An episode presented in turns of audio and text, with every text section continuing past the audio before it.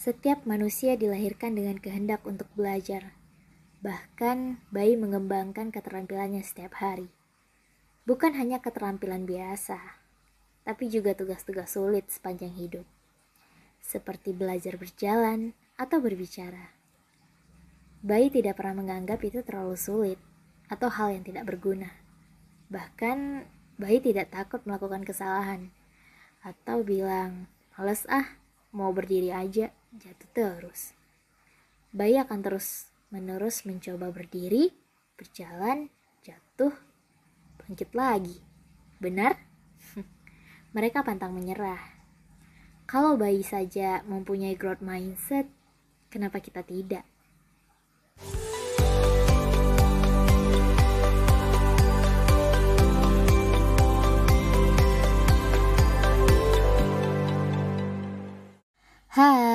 Halo.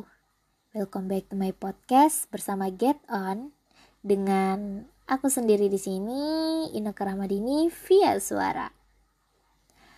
Gak usah kasih background deh udah. ya, di sini aku bakal ngebahas tentang growth mindset. Pasti sebelumnya juga kalian udah tahu ya growth mindset itu adalah pola pikir yang berkembang gitu dan di sini aku bakal sharing atau kasih tips gimana sih cara mengembangkan growth mindset. Sebelumnya kita cari tahu dulu arti growth mindset itu apa ya gitu kan. Menurutku growth mindset itu adalah sebuah keyakinan ya, sebuah keyakinan bahwa kemampuan dasar seseorang itu bisa dikembangkan dengan cara kita sendiri, dengan cara tertentu gitu.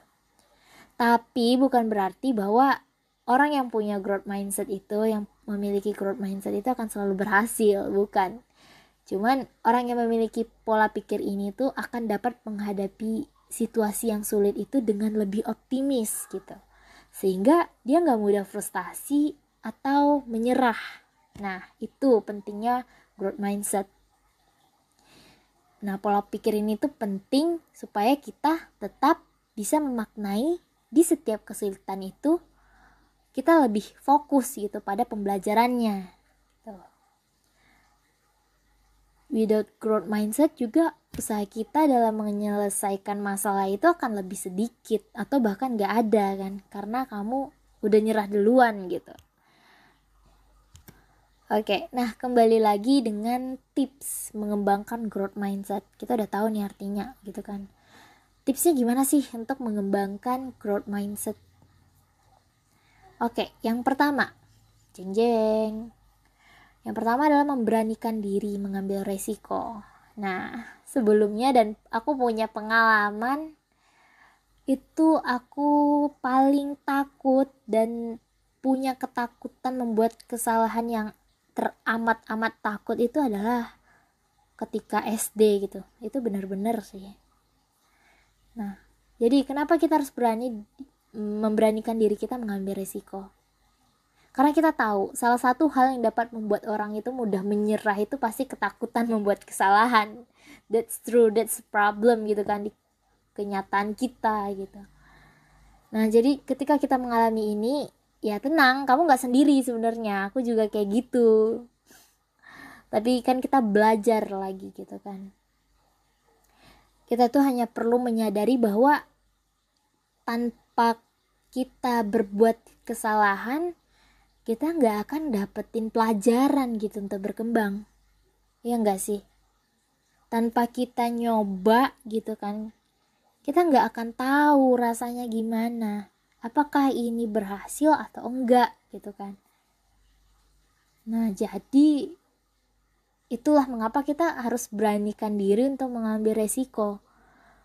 Karena ketika kita udah berani kita akan tahu nih gimana sih. Nah kita akan tahu apa sih yang perlu kita kembangin di diri kita.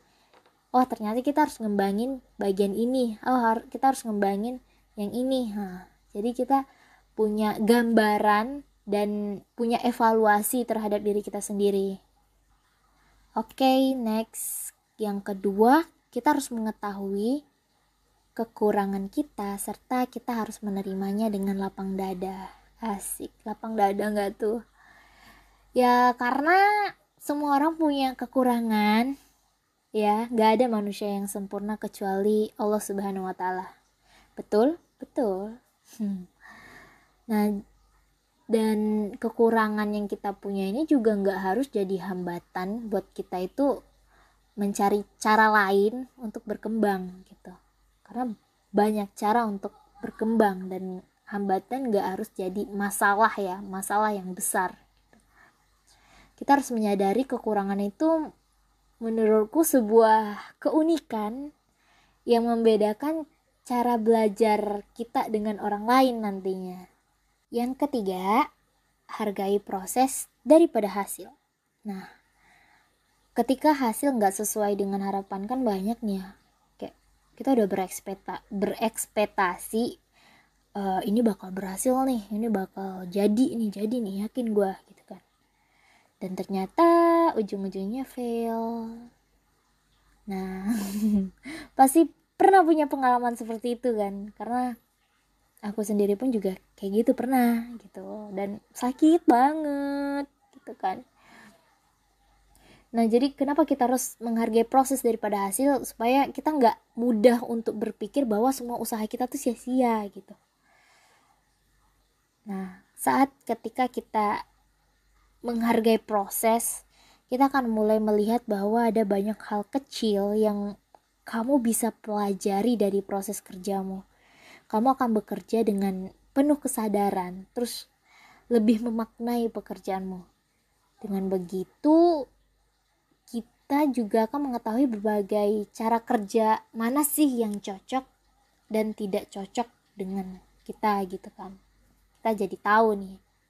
Oh, ternyata uh, aku kerjanya harusnya sistemnya seperti ini gitu. Nah, itu. Yang keempat, itu terbuka terhadap masukan orang lain. Nah, benar. Tujuan utama dari masukan orang lain itu menurutku adalah ibarat sebuah hadiah yang berupa petunjuk yang bisa membantu kita tuh untuk berkembang gitu. Indikator sukses juga nggak berasal dari internal aja, ternyata indikator sukses itu bisa berasal dari eksternal, dari masukan orang lain gitu. Jadi jangan terlalu menutup diri dari umpan balik yang orang dari orang lain. Kamu bisa selektif lah untuk memilih saran-saran dari orang lain tersebut gitu kan. Jadi gunakan kesempatan ini untuk berkembang jadi lebih baik lagi. Yang kelima itu belajar dari orang lain. Ya, belajar dari orang lain, belajar dari pengalaman orang lain. Pengalaman kita pasti banyak. Gak tahu dah kalau kalian tapi pengalamanku sudah ya gimana ya gitu kan. Jatuh bangun itu udah kita alami gitu kan. Jadi di pengalaman kita sendiri pun gak harus jadi satu-satunya sumber pelajaran gitu. Kita juga bisa belajar dari keberhasilan atau kesalahan orang lain. Kan banyak tuh ya buku-buku yang uh, menceritakan gimana sih perjalanan hidup mereka untuk menggapai cita-citanya, menggapai impiannya, menggapai goalsnya gitu kan. Ada jatuh, bangunnya, ada jurang ininya gitu. Jadi penting lah untuk belajar dari pengalaman orang lain. Karena mereka yang udah terjun duluan kan, mereka yang udah tahu petanya nih di mana letak jurangnya, di mana batunya, di mana tempat-tempat yang mungkin gak boleh di kunjungi gitu kan. Jadi dari situ kita bisa meminimalisir kesalahan gitu. Kita punya uh, apa ya namanya role model atau orang yang berhasil ini jadi sebuah kesempatan bagi kita untuk merayakan kesuksesan. Untuk merayakan ya gimana ya untuk belajar dari orang tersebut gitu nah begitu pula dengan kesalahan yang dilakukan dalam proses perkembangan mereka gitu kan. Jadi kita juga bisa belajar sehingga nggak sama gitu nggak mengulangi kesalahan yang sama dengan mereka. Kita jadi tahu lah gitu. Yang keenam itu tidak berhenti belajar ya. Tidak berhenti belajar. Um, ketika kamu berada di posisi yang nyaman gitu kan. Asik nyaman lagi. Ya nyaman jangan sampai kamu tuh berhenti belajar gitu. Kamu perlu mengeksplor lagi gitu karena banyak hal yang bisa membuat pekerjaan itu jadi lebih baik gitu lebih meningkat lebih efektif. Nah lebih efektif gitu. Dan dengan begitu kita jadi banyak menemukan hal-hal baru yang bahkan membuat kita lebih semangat gitu kan. Ya dan yang terakhir itu yang ketujuh itu perhatikan cara berkata dan berpikir nah kenapa ketika kamu belum punya kemampuan yang cukup atau memenuhi target jangan sampai kamu berpikir bahwa kamu gak akan bisa mencapainya gitu jadi ingat kembali bahwa kata belum tidak selalu berkonotasi negatif teman. Terkadang ada hal yang belum bisa kamu pelajari seutuhnya. Namun uh, ini tuh bisa jadi motivasi bagi kita kan, bagi ya motivasi untuk bisa melangkah ke depan lah. Melangkah ke depan dan belajar walaupun kita butuh waktu yang lebih lama gitu. Dan jangan pernah sekali-sekali uh, kita membandingkan diri kita dengan teman-teman yang lain. Wah dia udah dia udah achieve-nya achievementnya udah segini banyak gitu kan. Lah gue baru di sini doang gitu dia udah maju uh, lima langkah gue baru dua langkah. Jangan jangan pernah membandingkan diri kita dengan orang lain karena kita berada di zona yang berbeda. Kita berada di zona diri kita masing-masing. Uh, because time is yours gitu kan. Jadi enjoy.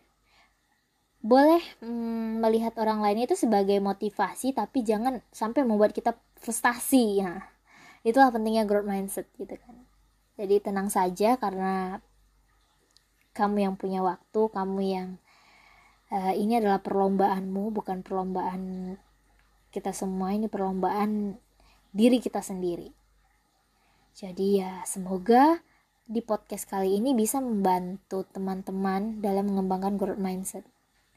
Jadi kita bisa sama-sama bertumbuh serta mendapatkan pelajaran baru di mana pun kita berada. Tetap terus belajar, belajar ya, learn, learn, and learn, dan percaya, believe, trust me, bahwa uh, kita akan berkembang. Lebih baik lagi, kita akan maju satu langkah untuk melompat jauh lebih tinggi menggapai cita-cita yang kita inginkan. Dan mungkin di podcast kali ini cukup panjang. Semoga kalian tidak bosan untuk mendengarkan podcastku.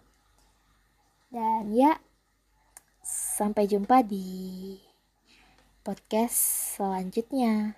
Bye bye.